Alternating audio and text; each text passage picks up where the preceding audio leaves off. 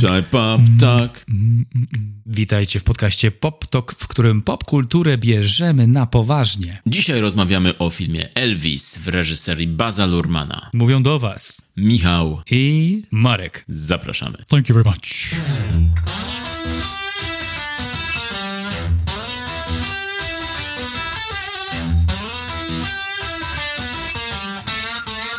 Ojejku. Słyszałeś o takiej grze jak GTA? Moja odpowiedź brzmi, kiedy przestawisz litery w e, GTA, to wychodzi słowo tak. No, it doesn't. Oj, tag. Tag. Tak, słyszałem, tak, widziałem. słyszałem. Widziałem, słyszałem, tag. No to szósta część. Słyszałeś o szóstej części? Tag? Z szóstej części tak? Tak, six. No to podobno, podobno Rockstar Games, czyli studio, które tworzy e, tag. e, Jeszcze chciałem tylko powiedzieć, że jak przestawisz litery w słowie GTA, to wychodzi też gat, i tka, i agd, i atk. I wszystkie nazwy powinny być w powszechnym użyciu. Wszystko.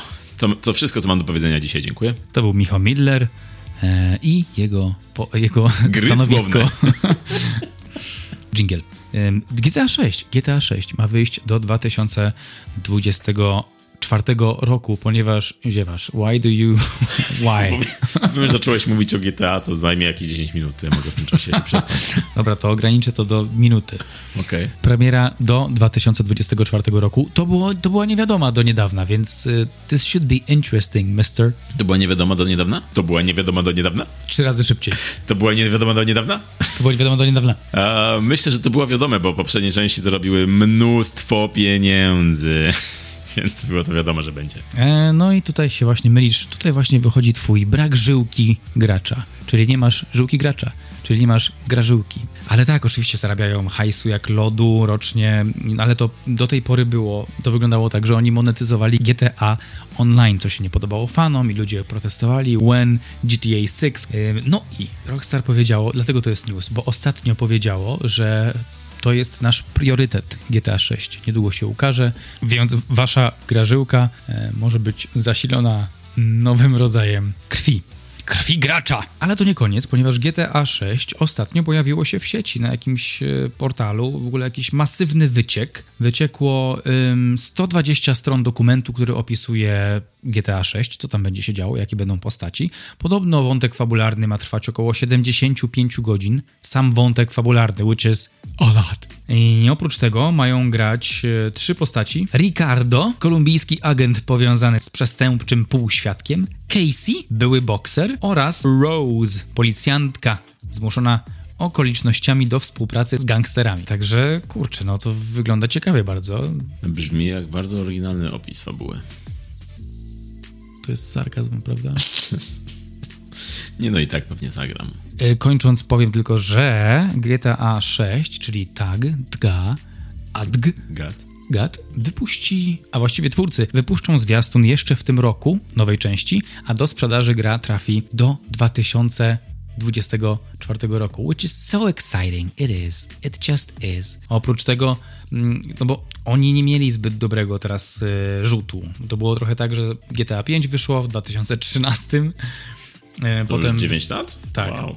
Potem wyszło GTA Online, zarabiali na tym hajs, no i potem powiedzieli: Hej, zrobimy remaster wszystkich naszych części do tej pory będzie super. I wypuścili te wszystkie gry i okazała się straszna kupa, bo było tyle bugów i tyle niedogodności takich związanych z gameplayem, e, że teraz Rockstar powiedziało: Okej, sorry, sorry, naszym priorytetem jest teraz szóstka, sorry. Mhm. Więc nawet nie zajmują się remake'ami innych części, tylko lecą od razu w, w GTA 6. Jeszcze mm, zajmowali się remake'iem Red Dead Redemption pierwszej części, czyli fabularnie dziejącej się po drugiej części, ale o tym na razie nic nie wiadomo. Oni tam sobie nad tym pracują, to będzie kiedyś, ale największy hype i największy priorytet stawiają obok GTA 6. Więc cool, cool. Cool, cool, cool, cool, Jeśli mówimy tutaj o kolejnych częściach, no to powiedzmy, może ja powiem o też kolejnej części, nie tym, tym razem nie gry, ale filmu, bo nawet o dwóch filmach, które mają swoje sequele e, w produkcji. Jeden z nich to jest e, dopiero co ogłoszony przez Kevina Smitha sequel filmu Clerks Sprzedawcy.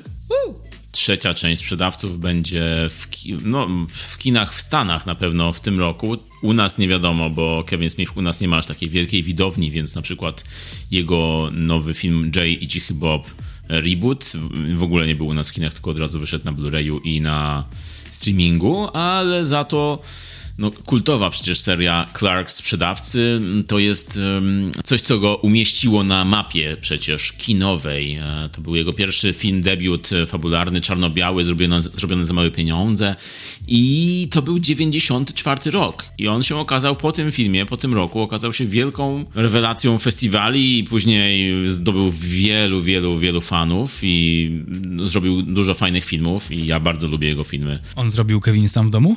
On zrobił Kevin Smith sam w domu. Porn version. Okej, okay, okej, okay. aha, kojarzę, kojarzę. No. Nie, nie, nie, nie, nie. I później z tego filmu Wyszły zresztą dwie postaci, które stały się kultowe, czyli Jay i Cichy Bob, które miały swoje filmy. No i teraz po 12 latach od drugiej części wychodzi część trzecia, na którą wiele osób wiem, że czekało i którą Kevin Smith ogłaszał już wielokrotnie. I wreszcie, wreszcie pojawi się, ja bardzo, bardzo chętnie obejrzę dalsze przygody Randala i Dantego. Opis na razie brzmi tak. Randala Gravesa dotknął atak serca, ale mimo to łączy siły z Dante, aby stworzyć film o tym, jak wygląda praca w sklepie. I ma to być bardzo meta część, ponieważ to będzie film o kręceniu filmu o tym sklepie, czyli tak jakby film o kręceniu poprzedniej części. E, także będzie pewnie dobra meta zabawa. No to fajnie, to ciekawe, bo sam Kevin... Sam Kevin w domu? Sam Kevin Smith, dlatego się pytałem, czy zrobił Kevina samego w domu, bo to jest obvious. Sam Kevin Smith w domu? Sam on przeżył atak serca tak. i zaczął ćwiczyć, zaczął chudnąć, zaczął dbać o siebie, dlatego ten element rzeczywistości jest wpleciony w element filmowy ości. Tak, dlatego tak jak mówiłem, będzie to film pewnie bardzo meta i będzie to bardzo takie łączące rzeczywistość z filmem i z jego poprzednimi filmami. On ma takie swoje uniwersum filmowe, pan Smith i zawsze te filmy się w jakiś sposób przeplatają i te postaci wracają, znikają i znowu wracają. Także rzeczywiście będzie to pewnie nawiązanie do jego ataku serca. Um, no i dalej następny sequel, który ogłosili i który być może jest takim the sequel dla mnie. To jest taki news tygodnia, e, jeśli o mnie chodzi, bo Michael Mann robi drugą część filmu Gorączka Hit z Robertem De Niro i Alem Pacino. Pierwsza część z roku 95, arcydzieło totalne kina, film, do którego mogę wracać i wracać i jest to no, coś pięknego. I Michael Mann, reżyser i scenarzysta, napisał książkę, która jest kontynuacją e, filmu. W książce są opisane wydarzenia poprzedzające film i następujące po fabule filmu, także film będzie mm, pewnie działał na tej samej zasadzie. Nie wiem, nie wiadomo jeszcze, kto będzie grał w Gorączce 2, ale Al Pacino ostatnio wypowiedział się podczas festiwalu, e, że on najchętniej zobaczyłby w swojej roli Timothy'ego Szalameta. Szalamejega. Szalamata. Szalamłegę. Halameta. Tymoteusza Halameta. Oui. Tak, to ten. E, jego by zobaczył najchętniej w roli młodego Vincenta Hanna, czyli młodej wersji Ala Pacino. Nice. No i Michael Mann wypowiedział się, rozwiał wątpliwości, bo to były wątpliwości, czy Gorączka 2 to będzie serial, czy to będzie film, czy co to będzie. Rozwiał wątpliwości mówiąc, cytuję, czy będzie to drogi serial? Nie. Czy będzie to skromny film? Nie. Będzie to drogi, wielki film. Podoba mi się to zdanie bardzo, bo to brzmi jakbym już chciał to obejrzeć w tym momencie. Bardzo fajnie. Bardzo fajnie. Hit 2, gorączka 2. Czy to będą dwie gorączki? Śmiertelna gorączka, można powiedzieć. Dead Heat. Too Heat to Handle. Too Heat to Handle. nie, to jest Too Hot to Handle. To będzie, nie, Too Heat to Handle, to będzie jak Too Fast to Furious. No i jesteśmy w domu. Tak. Bardzo fajne wieści. Bardzo lubiłem ten film. Where Pacino is, I is. Wiesz, kto jeszcze mógłby zagrać e, w hicie? Młodą wersję Pacino? Sylvester Stallone. Austin Butler. Wiem, gdzie zmierzasz z tym Austinem Lokajem. Austin Butler, ale nie, tak sobie żartuję oczywiście, że mógłby grać młodą wersję Pacino, e, no ale widzimy go jak gra młodą wersję kogoś innego, czyli Elvis the Pelvis. Dobrze, że wspomniałeś o panu Elvisie, ponieważ dzisiaj rzeczywiście rozmawiamy o filmie Elvis. Simply Elvis. Too fast to Elvis. Too Elvis too fast. To Elvis to handle. To... Twelvis. To Twelvis. Twelvis? Twelvis. Half past Twelvis. You know what time it is? It's half, half past Twelvis. Hej, myślę, że on tego używał, dlatego żona się z nim rozstała. Stwierdziła, wiesz co, Elvis, już za dużo tego. It's not funny anymore, Elvis. wait, wait for it. Wait. You know what time it is? oh, Elvis. Stop it, honey. Would you look at the time?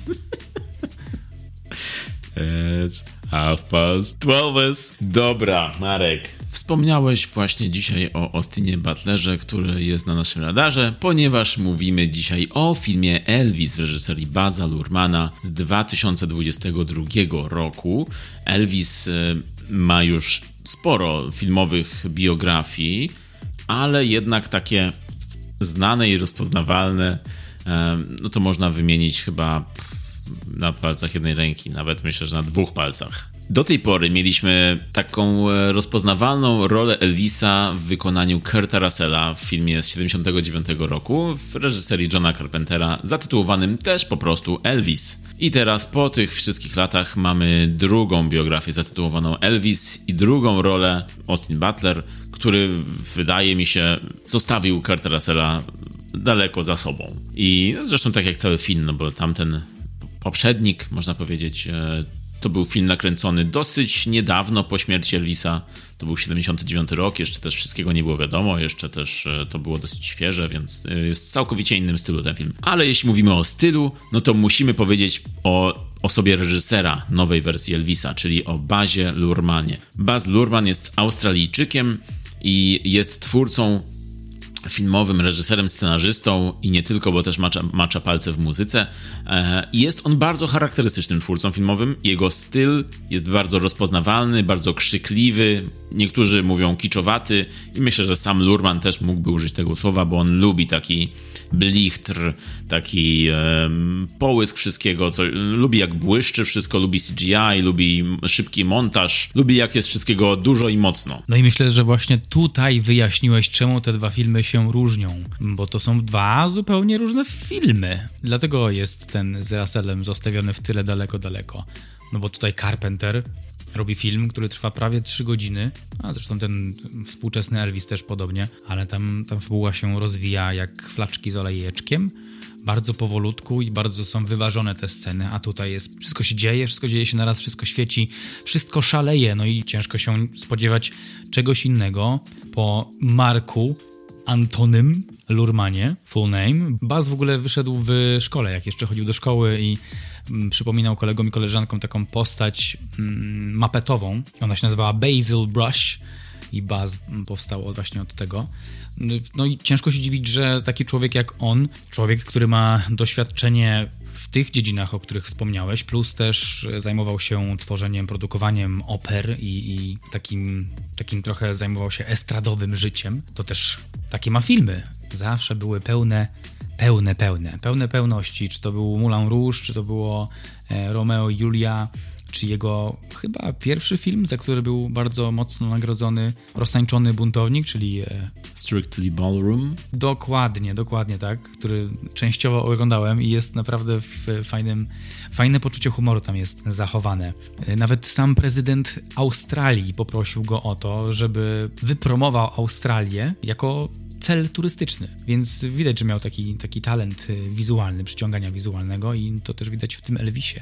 Ja pierdzielę, ile tam się dzieje. Jeśli mówisz tutaj o Australii, to chyba rzeczywiście dlatego zrobił film pod tytułem Australia z Hugh Jackmanem i Nicole Kidman, żeby przyciągnąć ludzi do Australii, bo ten film jest chyba jednym z, jest chyba najsłabszym filmem z jego dorobku, to jest taki najmniej lurmanowski film, najbardziej taki standardowy melodramat um, o, o, miłości właśnie Jackmana i Kidman pośród stepów Australii. Nie wiem, dlaczego powyżyłem tego głosu, ale zostawmy tak. Zadziałało, zadziałało. Teraz wiem, że tam były stepy i poczułem te stepy. I tak jak te stepy odczułem, tak właśnie ludzie oglądający, krytycy oglądający Lurmana odczuwają jego charakter w tych filmach. Jest takie pojęcie z francuskiego języka Uther. Reżyser nazywany w taki sposób odznacza się charakterystycznym stylem. Przykładem takiego reżysera może być Alfred Hitchcock, którego Truffaut nazywał właśnie Uther.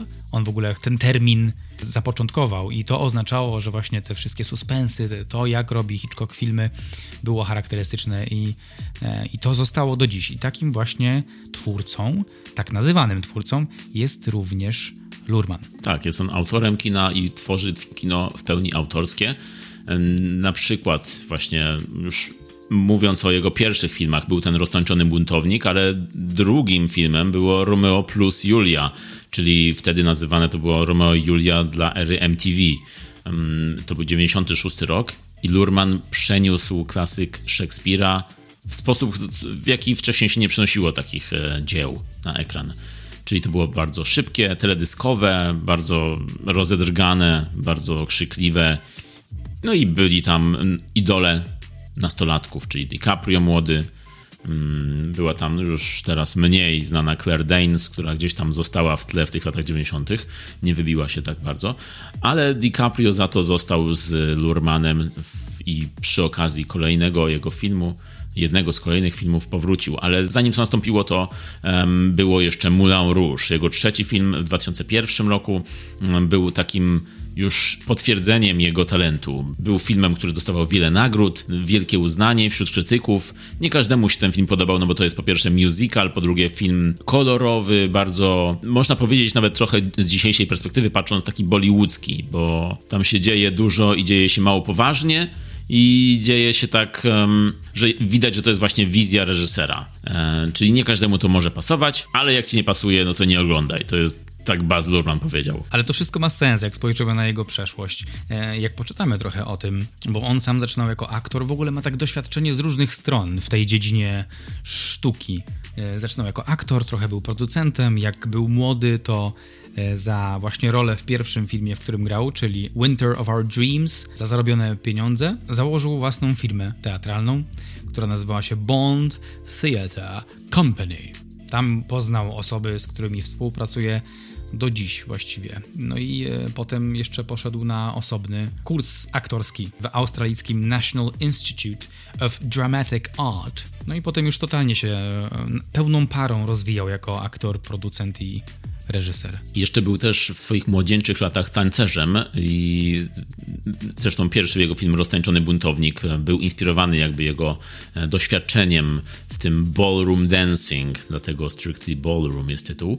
E, I te zresztą swoje doświadczenia z, z tańca widać w jego filmach, to po pierwsze, ale po drugie też na przykład był, w swoim czasie był też jurorem w programie Taniec z Gwiazdami takim e, krótko, ale był, także widać, że jest to jego pasja i coś, co z nim zostało. I zresztą też e, Lurman mówi otwarcie, że inspiracją dla jego filmów jest opera. I te filmy rzeczywiście są bardzo operowe, pełne przepychu i przesady ale też na przykład nie tylko filmy, bo Lurman na przykład wyreżyserował wiele reklam, a wśród tych reklam jest jedna dla firmy Chanel, wiadomo jakiej firmy, która jest dumnym posiadaczem rekordu Guinnessa jako reklama z największym budżetem i była tak jakby pionierem w świecie reklamy, szczególnie modowej. Jest w jego życiu i w jego twórczości taka mieszanka wielu różnych um, um, żywiołów i nawet jak się słucha Lurmana w wywiadach, jak się patrzy na niego, to on ma taki styl bycia charakterystyczny. Taki widać, że jest takim autorem, tak jak powiedziałeś,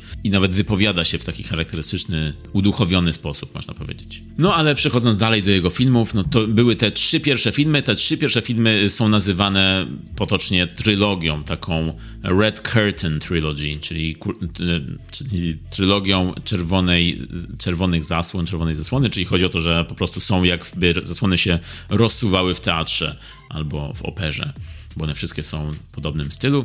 A później w 2008 była Australia, o której już wspomniałem, z Hugh Jackmanem i Nicole Kidman. Film taki najmniej pamiętliwy z jego filmografii, film, który raczej jest e, takim standardowym melodramatem.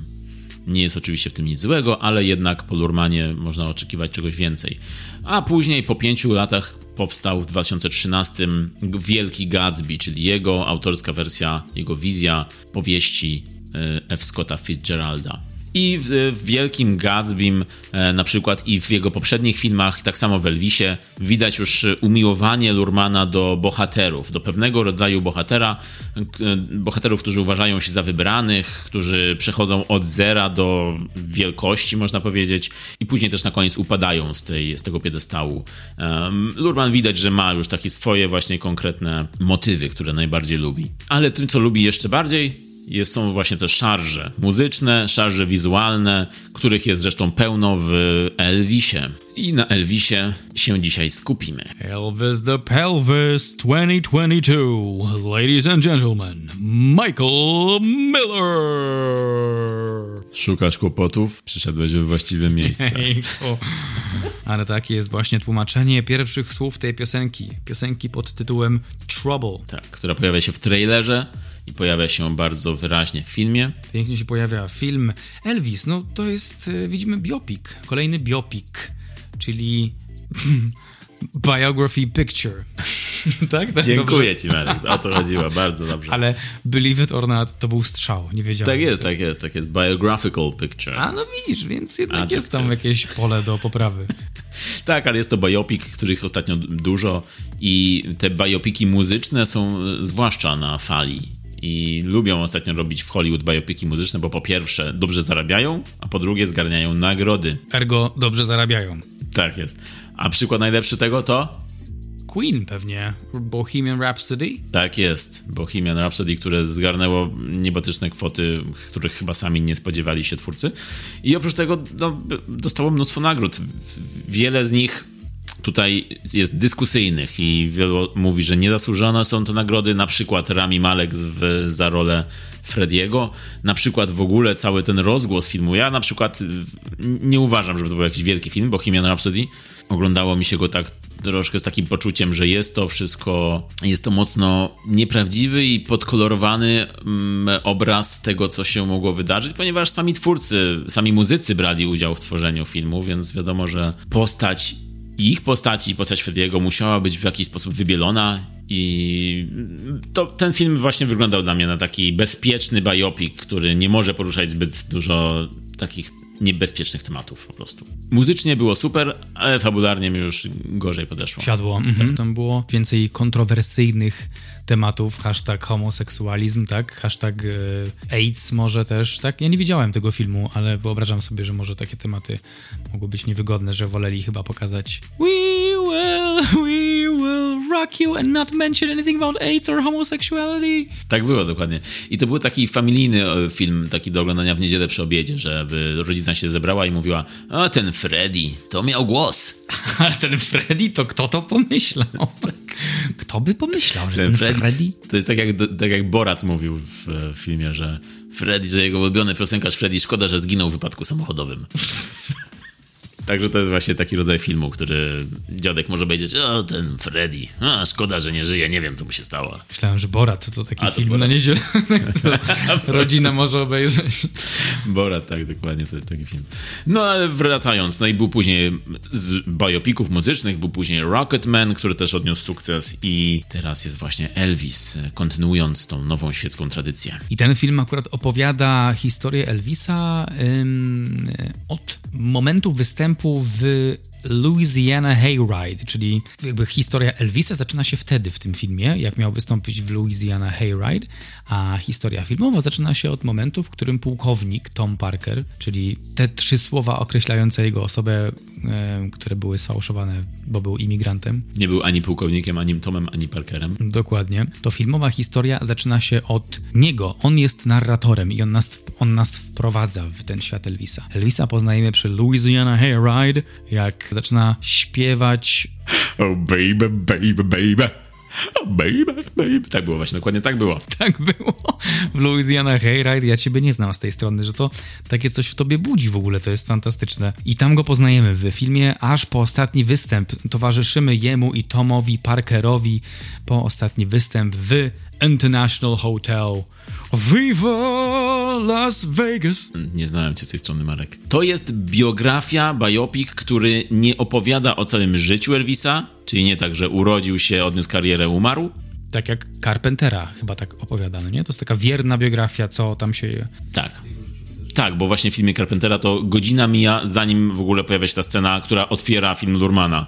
Czy tam jest godzina wcześniej, przed tym koncertem Louisiana Hayride. I Elvis Baza Lurmana, on skupia się na tej karierze, na tym, na tym celebrystwie jego, można powiedzieć, na celebrystwie Elvisa, bo tam jest jego prywatne życie, ale to prywatne życie jest często tak and it's gone, tak? Czyli jest szybko pokazane jakieś jakieś urywki z jego prywatnego życia, jest jego związek, jest jego rodzina, jest, jest tam to, ale nie jest nacisk główny na to kładziony. Nacisk jest na jego osobowość, na jego wielkość, jego osobowość sceniczną. To jest, to jest fokus tego filmu. No i jeszcze oprócz niego jest też pułkownik Tom Parker, czyli menadżer Elvisa i to są dwie postaci w tym filmie. To, co wyróżnia ten biopic od innych, to jest to ta druga perspektywa, którą mamy w filmie, czyli perspektywa menadżera Toma Parkera, który jest tutaj bardzo ważną postacią, czego jeszcze kilka lat temu byśmy nie mieli w takim biopiku. Byśmy mieli skupienie się na Elvisie od początku do końca, a tutaj mamy właśnie takiego wilena w postaci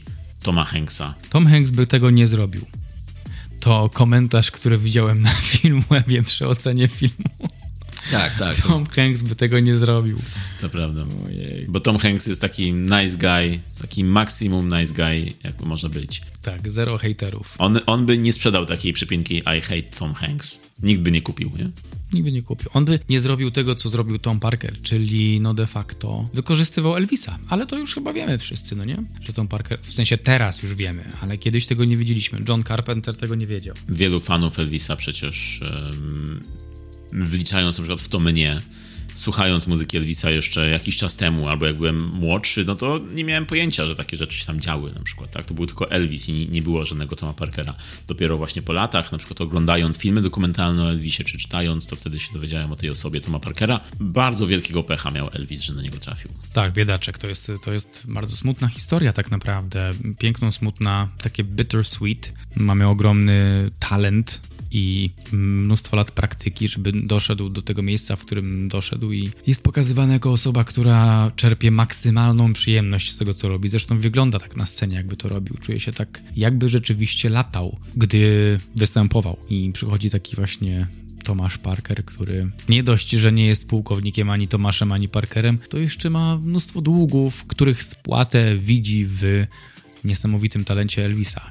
This is sad. This is very sad. Very sad story, but also beautiful. Now, let's speak English throughout the entire recording. Oh baby, baby, baby. Okej, okay, dobra, to no jest to bardzo smutna rzeczywiście. Jak tak oglądałem, to było mi w wielu momentach z tego filmu tak szkoda bardzo i jest to tragiczna historia, prawdziwa historia Elvisa, mówię. E, I to, jak spotkał Parkera, tutaj w filmie nazywanego Królem Bałwanów, sam się tak nazywa, bo snowman, czyli potrafi zakręcić każdego tak, że może kupić wszystko od niego. Tak? Czyli jest takim supermarketingowcem, dobrym gościem od reklamy i od sprzedaży. E, po prostu cwaniakiem takim typowym, który kupił Elvisa tak samo jak kupił jego fanów. I w tym filmie e, Parker jest przedstawiony jako dosłownie diabeł, który korzysta, który podpisuje z nim cyrograf z Elvisem, a później wysysa po, po trochu z Elvisa duszę i wysysa krew jak wampir. I no, jest takim często wręcz komiksowym, kreskówkowym złoczyńcą do czego Tom Hanks był namawiany przez Lurmana, żeby podkręcić właśnie bardziej tą e, kreskówkowość jego roli, żeby podkręcić tą jego e, villainous charakter. Zresztą nawet Elvis i Parker podpisują jakby ten cyrograf na gdzie podpisują? Na diabelskim młynie.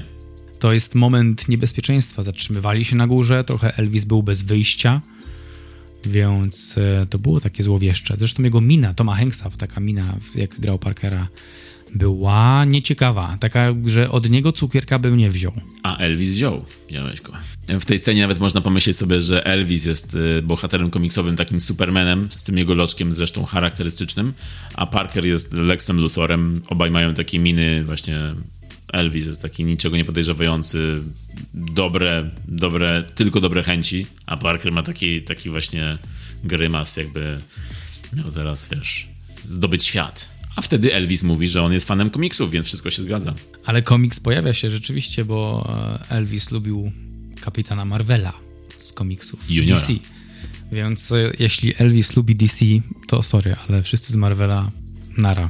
Tak jest, tak jest. I zresztą stylizował się Elvis prywatnie na, na kapitana Marvela Juniora, bo ten jego loczek na czole, te włosy, to właśnie było z komiksu. I później to, jak śpiewał na koncertach i miał taką małą pelerynę, taką krótką, to właśnie też było jego e, strój z komiksu kapitana Marvela Juniora. No i później to jest ten moment w filmie, kiedy Elvis wynosi telewizor tak. między nogami jak cyganka. To jest ten moment w filmie, kiedy Elvis osiąga sławę, powoli, po trochu staje się rozpoznawalny, wszyscy szaleją na jego widok na koncertach i pułkownik zaczyna z tego czerpać zyski, zaczyna to monetyzować w sposób taki, że produkuje gadżety.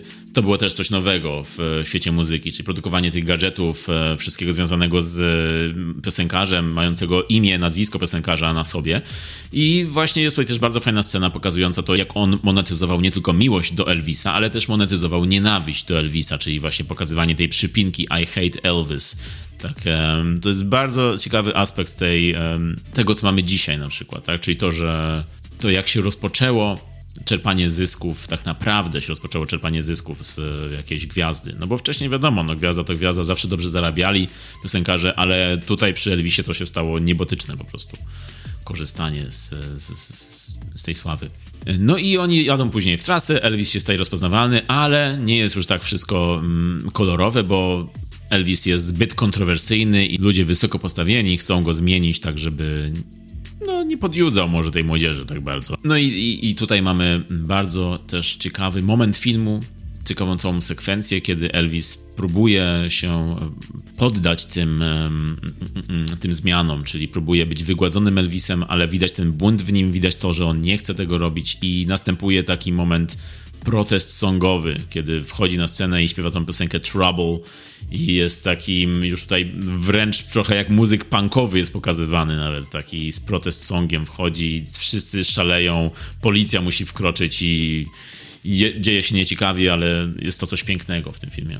I te doznania Elvisa, które są na scenie i które doznania na publiczności, które się tam dzieją, no, one są ukazane w filmie niesamowicie po prostu, według mnie. To jest coś pięknego. To cofnijmy się na chwilę. Jesteśmy przy pierwszej scenie koncertowej Elvisa. To jest ta scena, która tak każe nam długo czekać z tym pokazaniem twarzy Elvisa, twarzy Austina Butlera. To jest też zabieg zresztą, który Baz Luhrmann lubi, czyli ten główny bohater, główna postać swojego filmu jest niepokazywany tak z, pro, z, z, frontu przez dosyć długi czas filmu. Tak samo jest tutaj z Elvisem, on jest tam sylwetka, jego widać, jego profil, kawałek twarzy i dopiero, dopiero w tym momencie jest, e, kiedy wchodzi na scenę, zaczyna śpiewać, zaczyna mówić do mikrofonu, wtedy dopiero go widzimy. Tak samo było w Gatsbym. No i ten moment, ten moment to było coś niesamowitego. Jak było u ciebie w sali kinowej, powiedz mi? U mnie to nie był moment gorący i nie widziałem reakcji po innych ludziach, ale może dlatego, że było 7 osób. Jako, że było bardzo mało osób, no to skupiłem się też na swoim odbiorze bardziej. I ta pierwsza scena, jakkolwiek dawała dużo energii, takiej pozytywnej, takich emocji i przede wszystkim była fajnie zrobiona. Pokazywała, jak e, dziewczyny kaskadowo jedna od drugiej zarażała się piskiem i wszystkie e, po chwili krzyczały i chciały go dotykać i go obejmować i fajnie był pokazany ten niewiadomy aspekt ich reakcji. Jakby, że w czym to się tam, co, z czego to się wzięło, no nie? Jakie jest tego źródło. Ale tak ogólnie, jeśli chodzi o wykonanie piosenki w tej scenie, to było takie mech. Tak, eh, alright, mhm. alright, man. Mhm. No ja miałem właśnie przeciwne odczucia, bo dla mnie za, bardzo zadziałało to, że ten film tak budował to napięcie do tej sceny, budował tego Elvisa i czekaliśmy tak bardzo na to. Ja bardzo czekałem. Nie ukrywam, jestem fanem Elvisa i e, zawsze byłem u mnie w domu, zawsze się słuchało Elvisa. I w tym momencie, kiedy właśnie ta scena tak przestawiła go, tak, tak zbudowała to napięcie, kiedy Lurman zbudował to napięcie i, i, w tej scenie przedstawili go, no to ja miałem w środku takie nawet, takie powiem ci, ciary mnie przeszły podczas tej sceny. Tak mówię, wow. I jeszcze... Krzyczałeś. Właśnie ja nie krzyczałem, ale powiem ci, że miałem wewnątrz takie uczucie jak te kobiety na, na sali. Tak pomyślałem, że kurde, chyba zaraz krzyknę. I tak mówię, ej, to tak się czuli naprawdę wtedy? Powiem ci, że wtedy tak się poczułem. Jak I'm about to pop! I wanna touch him! No więc tak, tak było. Tak było, ale no, no, tak, tak to wezbrało to uczucie we mnie, że pomyślałem sobie, kurczę, to tak się wtedy chyba czuli na publiczności Elvisa. Tak jak ty dokładnie. Tak jak ja. I co tam się w tobie pojawiło? Nie idźmy tam. Nie, ale chciałem powiedzieć bardziej o tym, że u mnie na sali byli fani Elvisa. Byli fani, a przez fani mam na myśli... I siebie.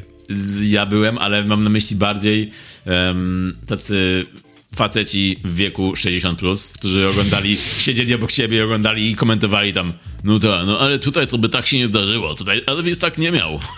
Tak? Tacy znawcy? Tak, jacyś znawcy Elvisa byli na sali u mnie i tam od czasu do czasu coś tam rzucali. No i tutaj to, to, to tak to nie, tak to nie było, tak to nie było. Pamiętasz, dzisiu? Nie, jak to Elvis miał? Czyli to ci się podobało, tak? Ta scena z jak śpiewa w tym takim różowym fraku? Jak to był taki, taki garnitur, frak? Nie wiem. To był e, garnitur, taki różowy garnitur.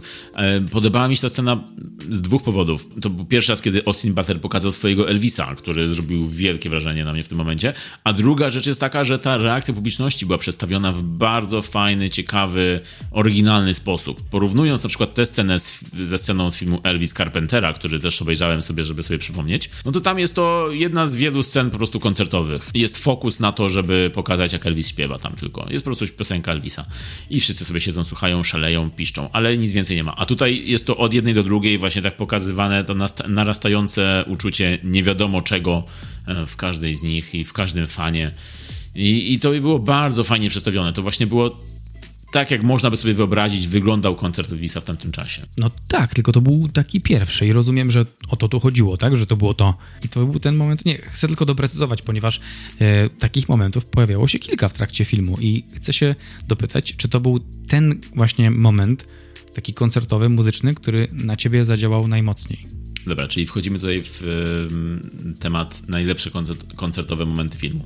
Nie musimy, możesz po prostu powiedzieć, nie wchodząc, nie anonsować żadnego tematu. Just say it. Najlepsze koncertowe momenty filmu. Dziękuję za to wprowadzenie.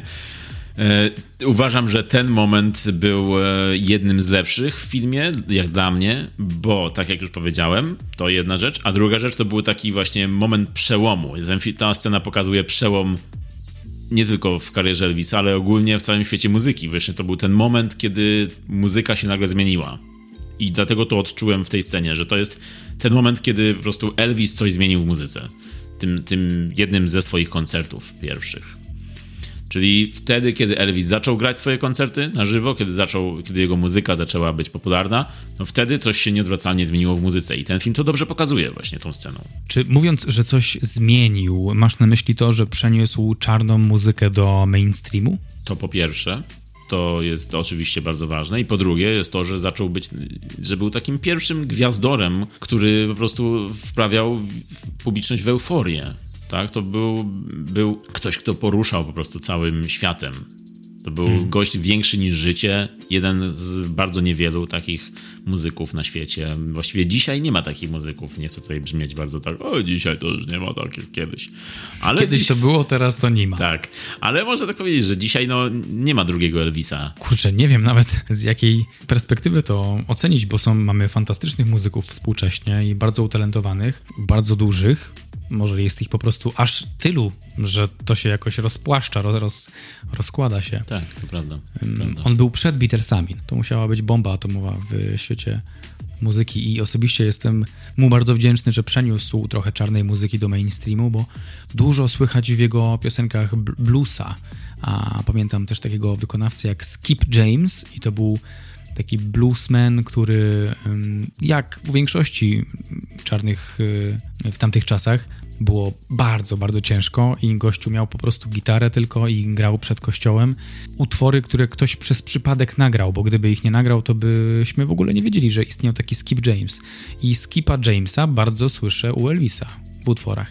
No ale on też się inspirował um, czarnymi muzykami, um, natchnionymi um, gospelem, też taką biedą i takim trudem życia związanym z bluesem. Także to wszystko słychać w jego piosenkach. Mimo, że są czasem tak aranżowane, że trochę przyspieszone, trochę takie bardziej hip, to i tak da, się, da, się wyczuć, da się wyczuć ten y, taki trud życia, ten właśnie to, co zasilało bluesa.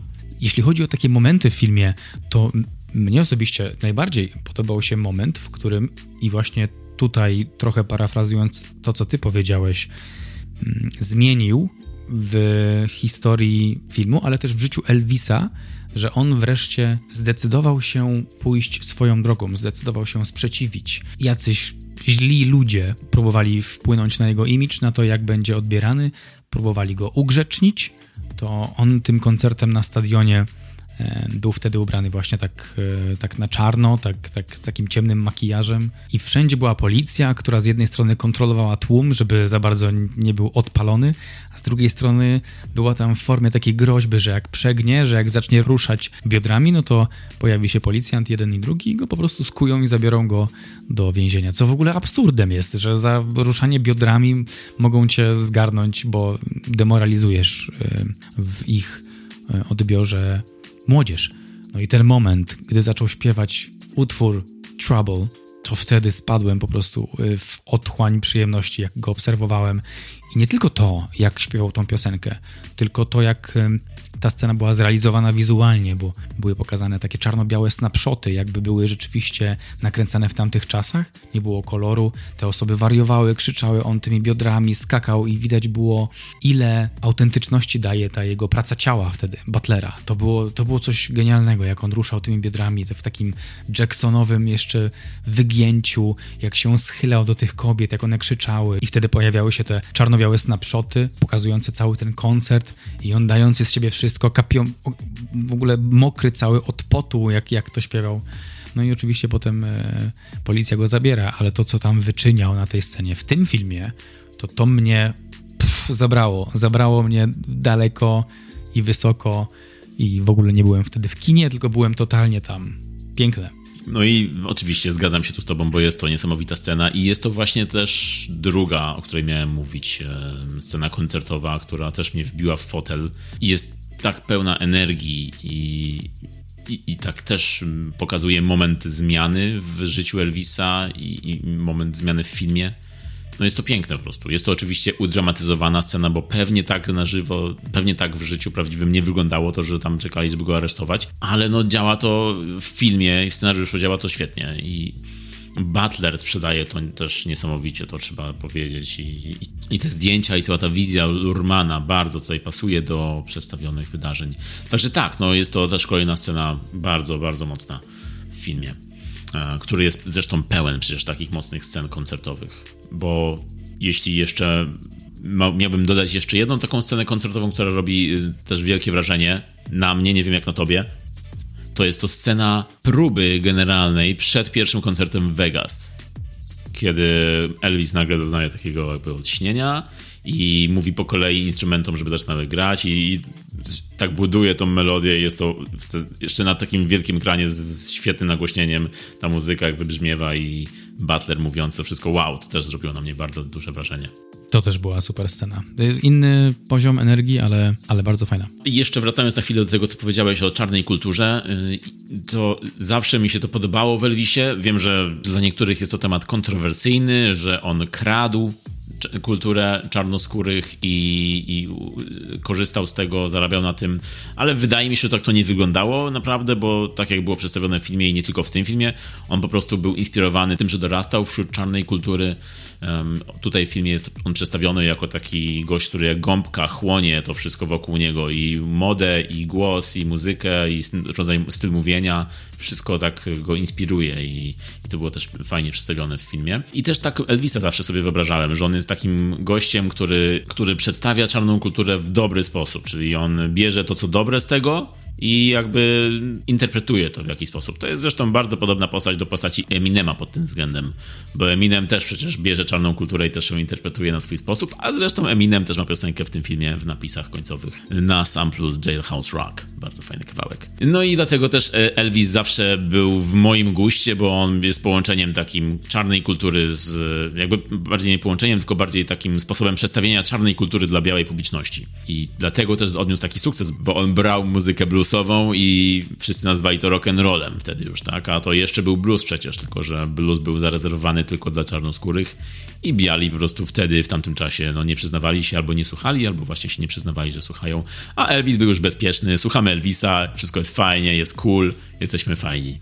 Blues był jak papierosy przed y, matką. Nie przyznajesz się, że zażywasz. Co to jest tam? Co, co trzymasz w ręce? To tylko Elvis, mamo. To, a to singiel Skipa Jamesa. Y, y, pod składka, pod herbatę.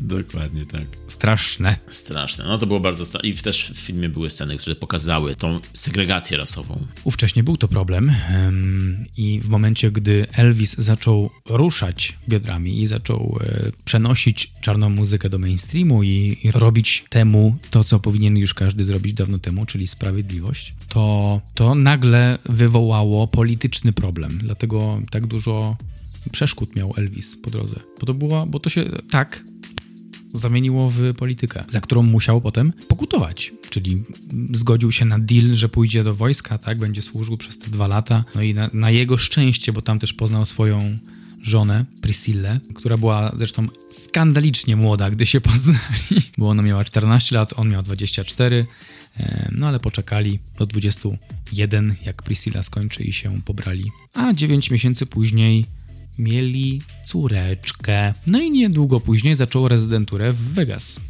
Tak, a jeszcze pomiędzy było coś. Yeah. Tons of sex, jak to Jennifer Lawrence powiedziała w wywiadzie. Pomiędzy była jeszcze kariera aktorska Elvisa w Hollywood i jego słynny comeback special w 68 roku. I jest to właśnie jedna z tych rzeczy, które w filmie są streszczone do małej pigułki i po prostu tak rzucone e, dla publiczności. Czyli mówię tutaj o jego hollywoodzkiej karierze, która jest tylko w jednej scenie, taką jest takim krótkim teledyskiem streszczającym jego kręcenie filmów i właściwie jest temat pominięty. Oczywiście w jego życiu prywatnym był to duży temat, no bo on zawsze chciał być aktorem, jego idolem był James Dean i chciał być takim właśnie gwiazdorem jak James Dean, ale coś nie poszło po drodze i po prostu został zaszufladkowany do grania po prostu siebie, czyli Elvisa, śpiewania na ekranie. Jego pierwsze próby aktorskie, czyli King Creole, film, który wyreżyserował zresztą bardzo dobry reżyser, bo Michael Curtis, reżyser Casablanki. No film, który nie wypalił i który jednak e, nie, nie postawił Elvisa jakoś mocno w Hollywood. No i właśnie później były te filmy, w których tylko śpiewał i się pojawiał, które jak to niektórzy twierdzą, pojawiały się tam co roku w kinach w Ameryce albo co roku w telewizji i wszyscy je ignorowali. Także widać było, jak już to e, stało się e, takim strzałem w kolano do Elvisa.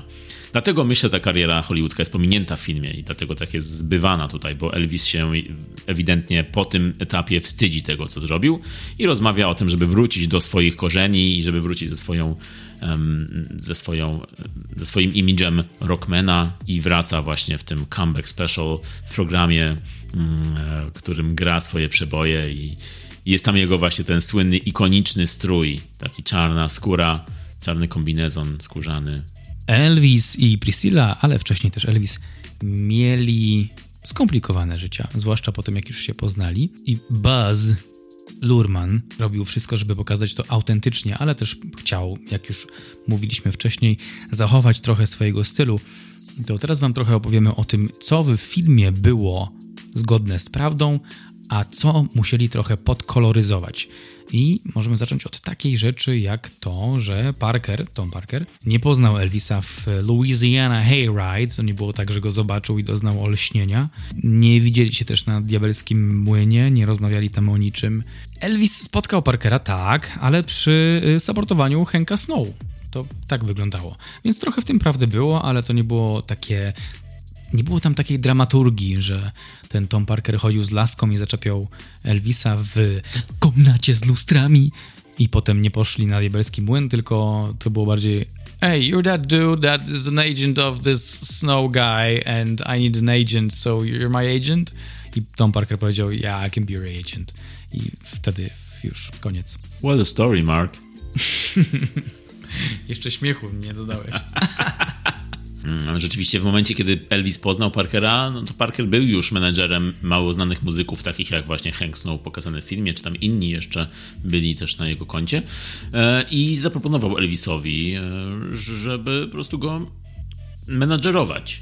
I nie był na jego pierwszym koncercie, tak jak było pokazane w filmie, tylko był tam na jakimś koncercie i po prostu rozmawiał z nim po tym. Tak, tak, to było udramatyzowane. Udramatyzowana była też ta zmiana Elvisa, która była narzucona na niego.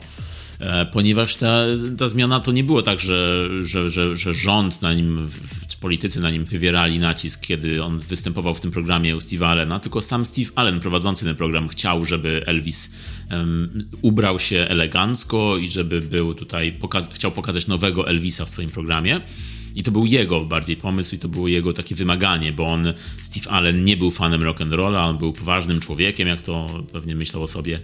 E, z tym, że to też był jego pomysł, żeby wystawić tego psa, co się nie podobało Elvisowi, żeby śpiewał do psa piosenkę Hound Dog i to było rzeczywiście pokazane w filmie, że mu się nie podoba i to był pomysł Steve'a Allena, też gospodarza programu. W ogóle durny pomysł, żeby śpiewać do psa, jakby ta piosenka w ogóle nie jest o psie, a ten pies czy nie męczył się tam odrobinkę? Ciepło, głośno, nie? Okej, okay, nieważne. Myślę, myślę, że tak, ale nie myśleli wtedy o takich rzeczach, tylko chcieli po prostu tak sobie zrobić żart z Elvisa. Bo wiadomo, Elvis jest fajny, Elvisa lubią wszyscy, Steve Allen nie był taki fajny, zazdrościł mu trochę. To pomyślał, a wbije mu szpilę. No nie fajny ruch, panie Allen. Zaciekawiło mnie to, jak y, Elvis w ogóle zainteresował się muzyką i robi to dla mnie bardzo dużo sensu, bo po prostu słuchał muzyki gospel, odwiedzał kościoły. Sam jak kiedyś odwiedziłem Woodstock i były różne namioty, różne wydarzenia w różnych namiotach, to zabrzmiało to bardzo dziwnie, ale tak, taka była Był organizacja. tam jeden pan, który powiedział, chodź ze mną tak, do tak. namiotu. Wszystko działo się w nocy, było, ale było ciepło. Prysznice stały obok. No tak, tak to było zorganizowane. Zatem działo się to w ciągu dnia i były różne namioty z różną muzyką i różnymi koncertami, różnymi konkursami i ludzie, którzy grali na instrumentach, ale nie byli profesjonalistami, mogli wypróbować swoich sił, bo leżał sprzęt w namiocie i mogłeś po prostu pójść posłuchać improwiza improwizacji czyjejś. I pamiętam to uczucie, gdy słuchałem po raz pierwszy improwizacji na gitarze, jak ktoś grał. Był zawsze jeden gościu z gitarą prowadzącą, który, któremu mówiłeś, do czego chcesz grać solówkę. Czyli na przykład podchodzisz do gościa i mówisz, zagraj Trouble Elvisa. I on gra główny motyw, czyli gitarą prowadzącą podaje ci motyw, a ty bierzesz gitarę i wiosłujesz solówkę tylko. E, śmigasz po skali. I właśnie takie rzeczy tam robili. I to było niesamowite. I pamiętam to do dziś, to było bardzo dawno temu. Ale wrażenie, jakie pozostawili, jest bardzo trwałe. I jak czytam sobie o tym Elvisie, który chodził jako dziecko słuchać gospelu, a tam byli bardzo natchnieni ludzie w takich kościołach, to nie, były, to nie był ksiądz Zawadzki mm, w białej szacie mówiący o tym, że tutaj typowy tekst katolika, tylko to byli natchnieni ludzie, natchnieni pozytywnym duchem, ludzie, którzy chcieli przez ciało oddawać swoją wiarę, ludzie, którzy organizowali uwielbienia tak zwane w ogóle, więc nie msze, nie dawaj hajs i przeproś za winy, tylko uwielbienia. Oni spotykali się, żeby pozytywnie wielbić jakąś postać, jakąś energię. Jeśli on tam zaczynał, to good God, nic dziwnego, że wyrósł na takiego artystę, tak właśnie natchnionego, takiego latającego. Więc tak, y, Elvis w filmie był pokazany jako dziecko, które nosiło błyskawice kapitana Marvela juniora i on wtedy do tej chatki poszedł w czarnej dzielnicy, takiej bardziej ubogiej i tam podglądał tych czarnych muzyków. Nie do końca tak to było, on bardziej w kościołach się kręcił i patrzył na, na inspirował się muzyką gospel, to go, to go karmiło. Ale rzeczywiście wyrósł w Memphis, gdzie musiał mieszkać w czarnoskórej dzielnicy, co wyszło mu na dobre, mm, bo właśnie podłapał tą inspirację, ale też stał się taki otwarty na inność, na inne rasy, innych ludzi. I ta scena, kiedy on podgląda tych czarnych muzyków grających, śpiewających, tańczących, też mega dla mnie była bardzo, bardzo nastrojowa i bardzo uderzająca. Te sceny właśnie były takie bardzo uduchowione, takie napełnione wręcz duchem świętym. Tak on, czyli młody Elvis z wiszącą błyskawicą, która była elementem filmu, on nie nosił takiej błyskawicy, ale unoszony był na dłoniach tych wszystkich wierzących podczas tego uwielbienia i słuchający tej muzyki. Wszystko w tych scenach było tak maksymalnie natchnione takim duchem świętym, że to, to, to, właśnie pokazywało to chyba oddawało najbardziej to uczucie, które muzyk może mieć w sobie podczas występowania przed tysiącami osób. Masz władzę nad wszystkimi ludźmi, ale chcesz dzielić mnóstwo dobrej energii. I te sceny dla mnie to reprezentowały. Tak, tak. Była tam ekstaza taka wręcz religijna, uduchowiona. On był takim jakby namaszczonym w tej scenie, czyli go wynosili, on, on, on e, jednoczył się z nimi i później zresztą przekazuje też tą samą ekstazę, to samo uniesienie uduchowione swojej publiczności w scenach koncertów później, kiedy już dorasta. Także była to bardzo zaraźliwa scena i bardzo zaraźliwa energia. Dokładnie. Tej energii chyba mu trochę odbierali w tym filmie i w ogóle też w życiu. Tak próbowali go kontrolować. O tym już trochę wcześniej mówiliśmy. I tutaj, jako jedna z rzeczy, która się trochę nie zgadza z tym, co było pokazane w filmie, to ten jego występ w telewizji w 68. Tutaj było trochę dramaturgii. Kennedy'ego nie zastrzelili wtedy, gdy on tam był w, w tym studio. To był ten sam rok, ale nie, nie ten sam wieczór. Elvis y, nie zmieniał de facto całego line-upu. Y, umówili się z tym y, pułkownikiem Parkerem, że będzie choć jeden utwór świąteczny, ale reszta miała być tak, właśnie miała tak wyglądać, że Elvis on wraca jako Elvis, on chce postawić swoją nogę w, w swojej twórczości i już wie lepiej, co chce robić i chciał to pokazać. I to był faktycznie taki występ około świąteczny i ten jeden utwór świąteczny, który miał się pojawić, pojawił się, bo that was the deal. Tutaj nie było zbyt dużej ingerencji ze strony Elvisa, nie było tego dramatu, że on jest uciśniony i przed tymi prawnikami czy, czy agentami mm, teraz zagra im na nosie i on teraz y, Jailhouse Rock sobie zaśpiewa. Nie, nie, to było ustalone. Tutaj też trochę więcej dramaturgii było. Co oczywiście działa, ale tak jak mówisz, no jest, to jest taki zabieg typowo biopicowy, czyli coś, żeby skrócić, pokazać w jednej scenie kilka rzeczy, które się działy w podobnym czasie. E, I samo to zastrzelenie Kennedy'ego i też Luthera Kinga e, i, i te wszystkie mm, rzeczy, które Elvis obserwuje, i reaguje jakoś na nie, to też jest ciekawy aspekt filmu, bo pokazuje nam Elvisa z innej strony niż znamy. To, że on chciał bardziej pokazać swoją wrażliwość też w takich momentach, na co mu nie pozwalano czasami, ale jednak się przebijał z tym swoim przekazem, tak jak w piosence If I Can Dream. Ale na, na, natomiast idąc dalej, no też kolejna rozbieżność jest, jest w osobie Priscilla Presley, i w momencie spotkania się oni mieli, no, ona miała 14 lat, on miał 24, jak już powiedziałeś, a w filmie jest tam przedstawione to, jakby ona miała 16 lat, czyli tutaj jest troszkę to e, w bezpiecznym kierunku poprowadzone, żeby to nie było zbyt ojojoj. Żeby nie było ojojoj. ojojoj. Ale rzeczywiście później już było pokazane, jak Priscilla wzięła z nim ślub, kiedy była pełnoletnia, także tu już było wszystko spoko. E, ale później jest za to scena z, jej córką, z ich córką Lizą Marie, kiedy Elvis jest takim dobrym e, tatuśkiem. Mm, z tego, co, z tego, co mówili, z tego, co Priscilla mówiła, no to Elvis nie był za bardzo też obecny w, w życiu swojej córki, tak jak było pokazane w filmie, i bardziej właśnie był już, oddalał się wtedy, kiedy, kiedy urodziła się córka. E, także bardzo ładnie przedstawili to w filmie i bardzo było to wzruszające, że, że te sceny ich wspólne, rodzinne, ale tutaj no nie wiemy, czy tak naprawdę było, czy nie. Ale to kłamstwo. Ale ale rodzina nie istnieje. nie no, Liza Marie żyje. Żyje Liza Marie. A Liza Marie Presley zresztą była żoną Michaela Jacksona. Imagine that. Dobra, sobie masz ojca Elvisa Presleya, męża Michaela Jacksona. Jedną z rzeczy, która była prawdziwa w tym filmie, to to, że, bo omawiamy rozbieżności, ale rozmawiamy o rzeczach prawdziwych i nieprawdziwych, które zdecydowali się pokazać twórcy. I jedną z takich prawdziwych rzeczy jest to, że Tom Parker, pułkownik Wise'a, rzeczywiście podpisał kontrakt yy, to taki kontrakt z, dia z diabłem o duszę Elvisa, żeby w zamian za spłatę swoich długów. To było w ogóle straszne, no bo Elvis miał przed sobą dużo, dużo doświadczeń, bardzo pozytywnych doświadczeń. Mógł zwiedzić wiele miejsc, ale Tom Parker uknął coś za jego plecami, coś co zablokowało Elvisowi karierę i utknął w International Hotel w Las Vegas bez dalszych perspektyw i Elvis o tym za bardzo nie wiedział, co tam się działo w, w, w tle.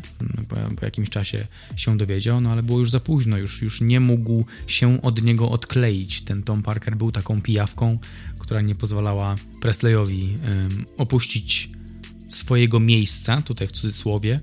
Um, no i Elvis przez to bardzo cierpiał tak jak jest to pokazane w filmie. E, jeszcze jedna rzecz, która, która myślę, że wymaga e, zwrócenia uwagi, to jest scena pod koniec filmu, kiedy Elvis zwalnia Parkera z, podczas koncertu ze sceny w Vegas. To jest też coś, co nie miało miejsca. E, to jest też coś, co zostało udramatyzowane na potrzeby filmu. Była rzeczywiście scena, w której Elvis rozmawiał z Parkerem w Vegas po koncercie że, i, w której to, chciał go zwolnić, ale nie mógł. Natomiast tutaj przedstawione zostało to jakby przed publicznością na żywo podczas koncertu, kiedy kurtyna już opada, on zwalnia Parkera i wyzywa go i wyrzuca mu wszystko to, co chciałby pewnie mu powiedzieć i to, co jako widz miałem ochotę powiedzieć wszystko w twarz temu Parkerowi, żeby, żeby nie myślał sobie za dużo o sobie. Bo Parker tutaj w wykonaniu Toma Hanksa to jest postać bardzo działająca na nerwy. Jak, jak wiadomo, Hanks to Hanks, gość, który jest Forestem Gumpem po prostu. America's Sweetheart. Tak jest. E, to tutaj, tutaj po prostu pokazał taką twarz, że zapomniałem, że to jest Tom Hanks. Zapomniałem, że to jest on i po prostu, po prostu gardziłem nim przez ten film. E, zresztą Hanks zagrał tutaj lepszego pingwina niż pingwin w Batmanie. Tom Hanks tutaj e, grał antybohatera i rzadko go widzimy jako antybohatera. Nie wiem, czy ja nie pamiętam go jako antybohatera w żadnym z filmów. Pewnie nie wszystkie widziałem. Pod kątem historii postaci Parkera w tym filmie, to ja dostrzegłem kilka takich różnych aspektów osobowości, bo on tam, jak Hanks jako aktor trochę więcej pokazał tego Parkera, takiego nawet ludzkiego czasami, że jemu, że, że on był taki złowieszczy, był taki przerysowany złowieszczy, ale czasem e, jeszcze pojawiało się w nim takie, taki konflikt wewnętrzny. Na przykład przy podpisywaniu tego kontraktu on wiedział, że to jest trochę złe, co zrobi, ale i tak to zrobi, bo, bo ma bardzo dużo długów i jego reakcja była połączeniem ulgi, takiej maksymalnej ulgi z takim e, poczuciem winy, z takim znowu szemraństwem. I tak też to trochę było widać u Hanksa, także fajnie go zagrał. Jak oglądałem wywiady z tym Parkerem w, ze stacji telewizyjnych amerykańskich, to on raczej był takim cwaniaczkiem z akcentem, a Hanks dał mu trochę więcej, dał mu trochę więcej kolorów. I tak bym, tak bym podsumował jego rolę. Archetypicznie grali tak w ogóle, no nie? Wszyscy tutaj, zarówno Elvis, jak i, jak i Hanks. Elvis był takim takim super bohaterem, nie był takim e, muzykiem, tylko takim właśnie takie jego origin story e, od e, powstania do upadku. A Hanks był takim właśnie i sobie takiego wąsa zawijał e, i knuł te swoje rzeczy. Tak, tak jak mówiłem, Superman Lex Luthor albo Batman i Pingwin Także wszystko tu pasuje do siebie. E, Hanks rzeczywiście bardzo docisnął tą rolę i Lurman zresztą sam chciał, żeby to było bardzo przerysowane i jest przerysowane. E, trzeba też powiedzieć tutaj, że to są dwie drastycznie inne role, Butler i Hanks. No i przede wszystkim dlatego, że Butler grał Elvisa, a o Elvisie jest mnóstwo materiałów i mógł oglądać, mógł się inspirować, mógł znaleźć wiele rzeczy, a o Parkerze wręcz przeciwnie, Parker stronił od mediów, nie pokazywał się publicznie za bardzo, nie udzielał wywiadów, są rzadkie wywiady z nim, dlatego Hanks musiał bardziej wymyślić tę postać i wymyślił właśnie takiego e, złoczyńcę komiksowego.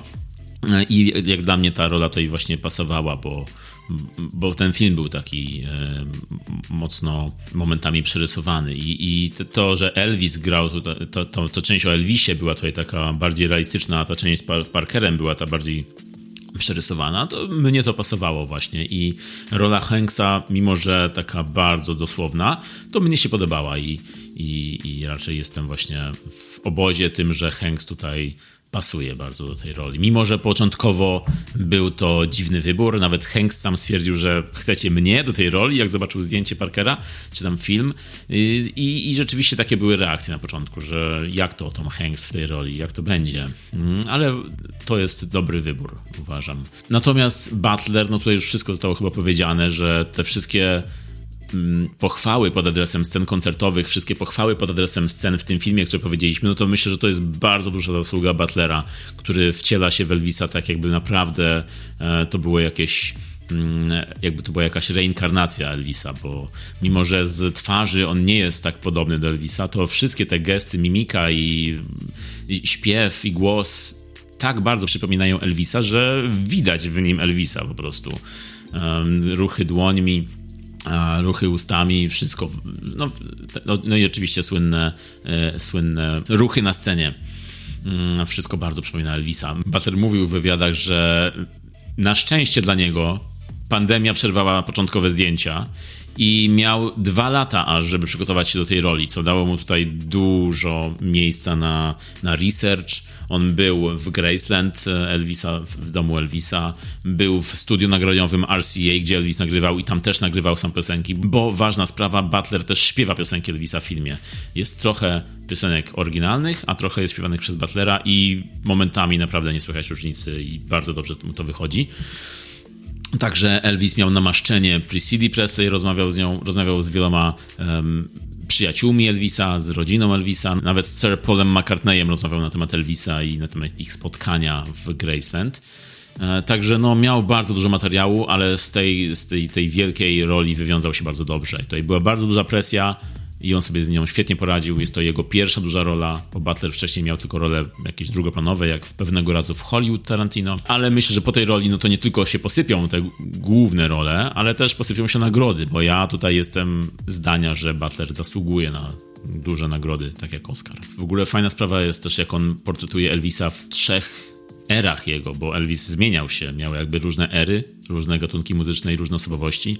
Różny był też jego wygląd i Butler przekazuje też to. Nie tylko pokazuje jednego Elvisa, ale pokazuje trzech różnych Elvisów z jego różnych er. A propos e, śpiewania Butlera w filmie, to masz taką piosenkę, która najbardziej wpadła w ucho? O wiele bardziej lubię jego wykonanie piosenki Trouble niż e, Elvisa Presleya. Du, du, du, dum. Tutaj muszę powiedzieć coś. Prywata mała. Jeśli mówimy o Trouble, to jak już wspomniałem, ja jestem fanem Elvisa. U mnie w domu rodzinnym słuchało się Elvisa z winyla i teraz z tego samego winyla Elvisa słucha mój dwuletni syn. I co najlepsze, piosenka Trouble jest jego ulubioną piosenką.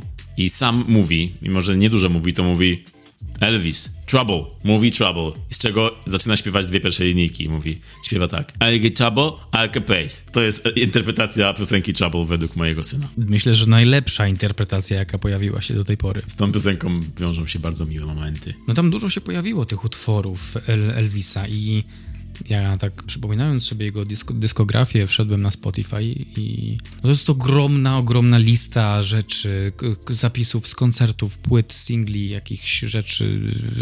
w ogóle strasznie dużo, strasznie dużo. Skroluje się przez to i się skroluje i się skroluje. Zrobił okropną ilość wykonań, ale jakieś tam sobie wybraliśmy chyba na dzisiaj, no nie? Co nam się podoba najbardziej? Masz jakieś swoje ulubione? Elvisowskie doznania audialne. Jak byłem młodszy, byłem mały bardziej powiedziałbym, to dwie ulubione moje piosenki Elvisa to było Blue Suede Shoes i Guitar Man. To w kółko leciały z winyla u mnie. Natomiast teraz y, chyba najbardziej lubię wracać do Blue Moon of Kentucky. To jest taki bluesowy, taki, taki stary bluesowy kawałek, taki standard bluesowy, który w jego wykonaniu brzmi bardzo fajnie. Um, bardzo lubię z jego filmowych piosenek, bardzo lubię Return to Sender i jeszcze powiedziałbym, no oczywiście Trouble, który już wspomnia, wspomnieliśmy. I jeszcze chyba King Creole. I jeszcze ostatnia mało znana piosenka, która była w filmie zresztą, ale nie była taka znana, czyli Crawfish. Bardzo fajna, klimatyczna, mała pioseneczka. Najlepsze utwory Elvisowskie. Ha. Ha. Jailhouse Rock, Blue Suede Shoes, to przy tym spędziłem dużo czasu jako młody człowiek. To był zawsze utwór, który kojarzył mi się z Elvisem. Jak ktoś powiedział Elvis, to a, okej. Okay. I jeszcze That's All Right Mama też. Takim jest utworem bardzo znanym, kojarzonym z nim, który też jest super. Też taki szybszy, no nie? Tak, On to tak. zrobił taką wersję szybszą, bo to w oryginale jest trochę wolniejsze. E, In the Ghetto, Little Less Conversation, też bardzo fajny, skoczny kawałek.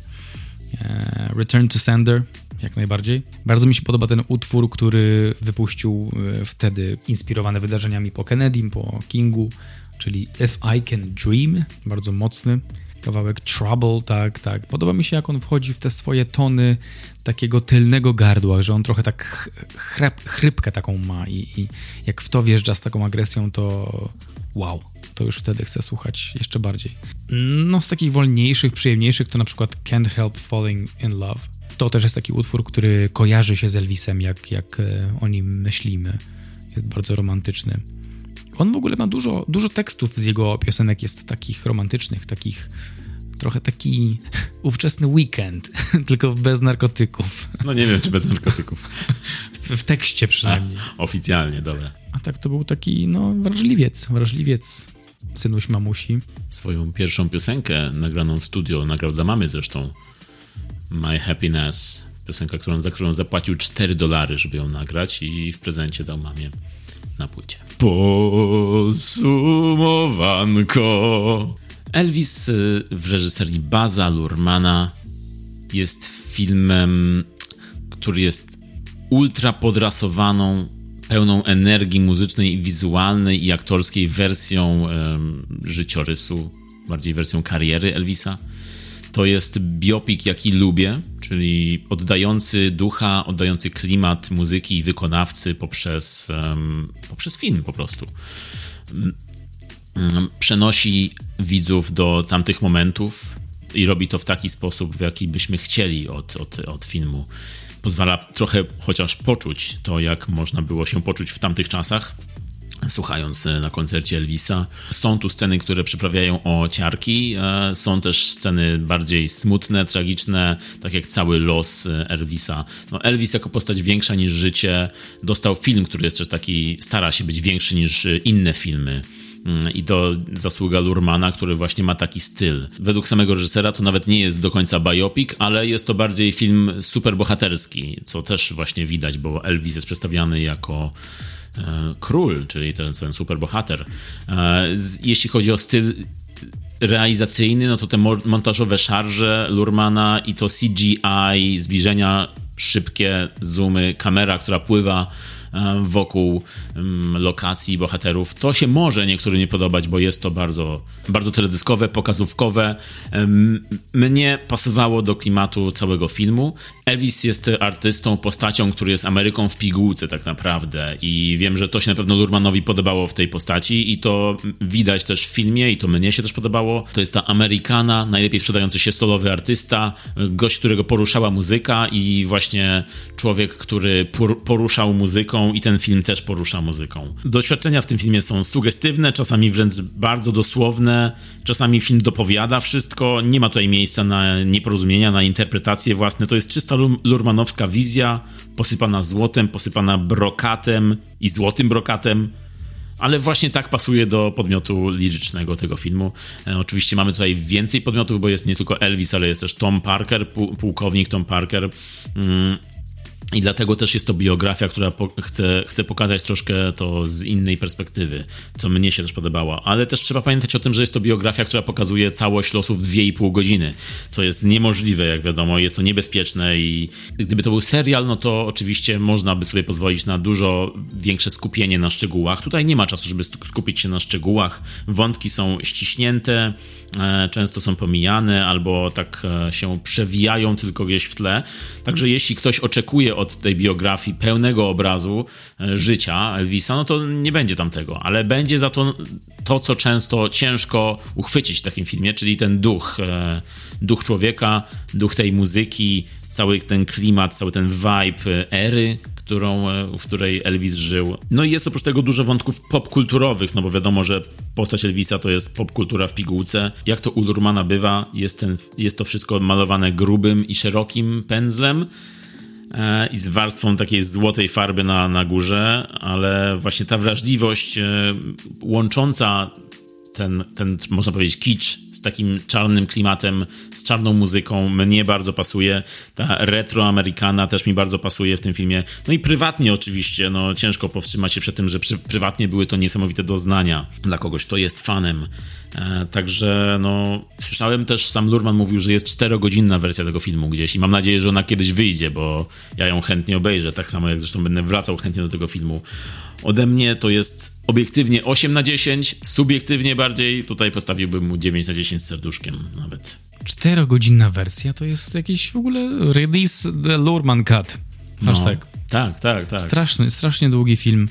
No ale w sumie jego biografia, on też dużo osiągnął, dużo w wielu miejscach był pokazywany i, i taki był wszechobecny, więc może, może to by było nawet spoko. Byłoby. Lurman właśnie mówił o tym e, przy okazji premiery filmu w Cannes, gdzie Elvis dostał 12-minutową owację na stojąco, więc to jest jakiś tam... Tak, czytałem o tym, no. Tak, tak. Crazy, crazy stuff. Michale, no dużo się nie różni to, co, to, co myślimy o tym filmie od siebie. Dla mnie Elvis pokazuje najwznioślejsze wzloty i najniższe upadki. To było życie Elvisa, taki dwójpółgodzinny biopik, ale mimo, że to było życie, to ten film nie był dokumentem i nawet nie starał się być dokumentem. Trochę widzieliśmy, co się może wydarzyć, gdy temat życia Elvisa będzie wzięty na poważnie u Carpentera. Tam ten, to tempo było o wiele wolniejsze. No, te dwa filmy o tej samej postaci, no to jest po prostu świetny, jakiś nawet akademicki przykład do analiz porównawczych, jak jakby, jak bardzo mogą się różnić filmy o tej samej postaci. Oglądając ten film, dostaniemy film superbohaterski, biograficzny i nawet bardzo muzyczny, ale pod tymi wszystkimi warstwami jest tam też dramat i smutek, smutek duszy Elvisa przede wszystkim. Mi trochę przypomniał się film Spacer po linie, jak oglądałem Elvisa. Spacer po linie z Phoenixem, z Joaquinem Phoenixem i Reese Witherspoon. Tam też była opowieść o muzyku, o jego właśnie wewnętrznych zmaganiach z demonami, różnych, różnych walkach, walkach z, z przeszłością, z narkotykami, um, jego umiejętnością um, radzenia sobie w takim życiu rodzinnym na nowo, ale to jakby już osobny film. Natomiast trochę mi przypominał też taki um, dramat muzyka, dramat artysty trochę udręczonego, z taką smutniejszą duszą. Aktorstwo, jak omawialiśmy, to, to zapomniałem dodać, że było też takie bardzo komiksowe. Takie miało być, miało być takie wyczekane, tak o to chodziło, żeby pasowało też do mm, tempa, do rytmu, do, do tempa i do muzyki filmu, żeby to było takie wszystko e, muzyczne. Takiego czegoś bym też się spodziewał i takiego czegoś bym oczekiwał w filmie Baza, szczerze mówiąc. Jeśli chodzi o, o muzykę, to jest to film muzyczny całkowicie, więc nie wiem, czy da się powiedzieć coś e, o tym aspekcie jak o osobnej rzeczy. I jedną rzecz, którą zauważyłem, która według mnie zasługuje na jakiś reflektor, to taki hołd w stronę czarnej społeczności i to, że to oni wymyślili właściwie ten rodzaj muzyki, który potem Elvis mm, przetłumaczył na, na, na język mainstreamowy i za to jestem bardzo wdzięczny, bo w tej muzyce było mnóstwo duszy i zawsze tak było. I cieszę się, że Elvis się tym zajął, bo ten duch został zachowany. Podobny szacun kieruje też w stronę remiksowanych współczesnych rapsów, które były też wrzucone w, w przejściach między scenami. Ty wspomniałeś o Eminemie. To, to ten motyw pojawiał się kilka razy w filmie, jak Elvis zmieniał lokację, czy jak zmieniała się era właśnie Elvisa, to był wrzucany jakiś rapsowy czarny kawałek, trochę przearanżowany, żeby pasował do, do filmu. To też był bardzo fajny smaczek. E, jeśli chodzi w ogóle o muzykę i o Baza Lurmana, no to on e, ma własną wytwórnię muzyczną, która nazywa się House of Iona, którą prowadzi we współpracy z RCA Records, tym samym RCA, które podpisało kontrakt z Elvisem jeszcze w latach przerzucania się na świetność. I tutaj taka ciekawostka, że Baz y, ma prawa do wszystkich utworów ze swoich filmów. On, on się tym zajmuje też, on jest producentem i, i wszystko stara się trzymać właśnie we własnym podwórku. I tutaj widać taką żyłkę przekazaną od ojca chyba, który prowadził stację benzynową w ogóle jako biznes i, i, e, i kino. Widać, że Baz jest zarówno artystą, jak i biznesmenem, co też bardzo się przydaje w, w tym zawodzie. Tutaj bardzo mu kibicuję, wydaje mi się, że bardzo mu to wychodzi dobrze. Scenariusz nie był wierną kopią życia Elvisa i wydaje mi się, że to bardzo dobrze. Fajnie, że znalazł się ktoś taki jak Baz i ktoś taki jak on zajął się e, tym tematem. Taki człowiek, który ma wieloletnie doświadczenie muzyczno-estradowe. To była naprawdę fajnie klasyczna historia o wzbiciu się na wyżyny, o upadku i, i, i, to oglądało się jak taki bardzo dobry, długi teledysk MTV. Był bardzo rytmiczny w takiej swojej spójności i dynamice. Jedyna rzecz, która mi się nie podobała w tym filmie, to narrator. To był ewidentnie zabieg e, Baza i, i twórców w ogóle, żeby, żeby człowiek idący na film nie musiał myśleć za bardzo, jak on odbiera Elvisa, tylko żeby miał podaną na tacy interpretację jego życia, jego, jego historii. Y, uważam, że filmy z narratorami od początku, z założenia są kiepskie. Jakby po co nam narrator? Obejrzyjmy film, pomyślmy, ustalmy, co tam się wydarzyło i weźmy coś dla siebie. Narrator jest człowiekiem, który jasne ułatwia, ale tym samym jakby nie, nie pozwala stworzyć własnej opinii. Tak przynajmniej y, ja to odbieram i widzę to bardzo, że to było zamierzenie twórców. Tak jakby wychodząc z kina, powinniśmy myśleć o Elvisie w taki sposób, w jaki jakby Baz tego by chciał. Ale ostatecznie film pozwala zanurzyć się w bardzo lekki sposób w świecie jednego, według mnie, z najmniej rozumianych artystów XX wieku. No, osiągnął ogromny sukces w stosunkowo krótkim czasie. E, miał obrzydliwą ilość pie pieniędzy, obrzydliwy zasięg. Ten występ przecież, co miał e, z użyciem satelity na całym świecie, koncert w jednym czasie, no przecież to są, to są tak naprawdę pierwsze tego typu zabiegi rozsławiania człowieka, człowieka o ogromnym talencie i mnie się wydaje, że on musiał być bardzo samotnym i smutnym człowiekiem, zwłaszcza teraz, gdy wiemy, że Parker no, źle go traktował i traktował go jak maszynkę do pieniędzy, jak już potem nie miał przy sobie Priscilli, więc to jest, to jest ogromny smutek, że on jest tak mało rozumiany, że był tak mało rozumiany. Natomiast cały film no, pozwala w lekko strawny sposób przez to przejść. Są momenty dramaturgii takiej napompowanej, ale to też pewnie służy temu, żeby film był ciekawszy, żeby łatwiej się przez to e, przebrnęło. No jest to film długi ale ta lekkostrawność nie działała na niekorzyść tego filmu.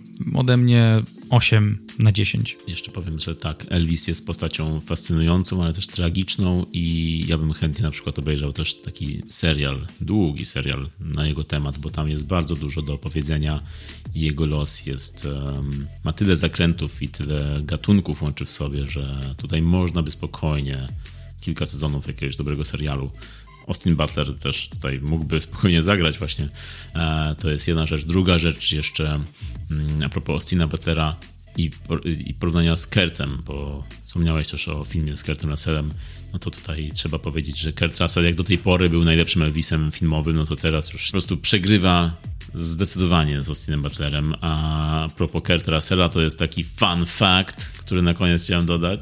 Bo Kurt Russell, kiedy był małym chłopcem, wystąpił w filmie z Elvisem Presleyem. Elvis Presley grał w 1963 roku w filmie Co się zdarzyło na targach światowych i Kurt Russell jako mały chłopiec pojawia się tam w jednej scenie, w której kopie Elvisa w nogę. Także jest to na YouTubie do obejrzenia i jest to bardzo fajna ciekawostka, którą znalazłem i którą myślałem, że warto się podzielić, więc jak chcecie zobaczyć, wpiszcie w YouTube Kurt Russell jak kopie Elvisa. A od nas to tyle na dzisiaj. Dziękujemy wam bardzo za uwagę, za słuchanie i zachęcamy do dzielenia się wrażeniami z Elvisa. Mówili do was Michał i Marek. Do zobaczenia, usłyszenia w następnym. To jest niezła piguła dzisiaj, Marek. Thank you.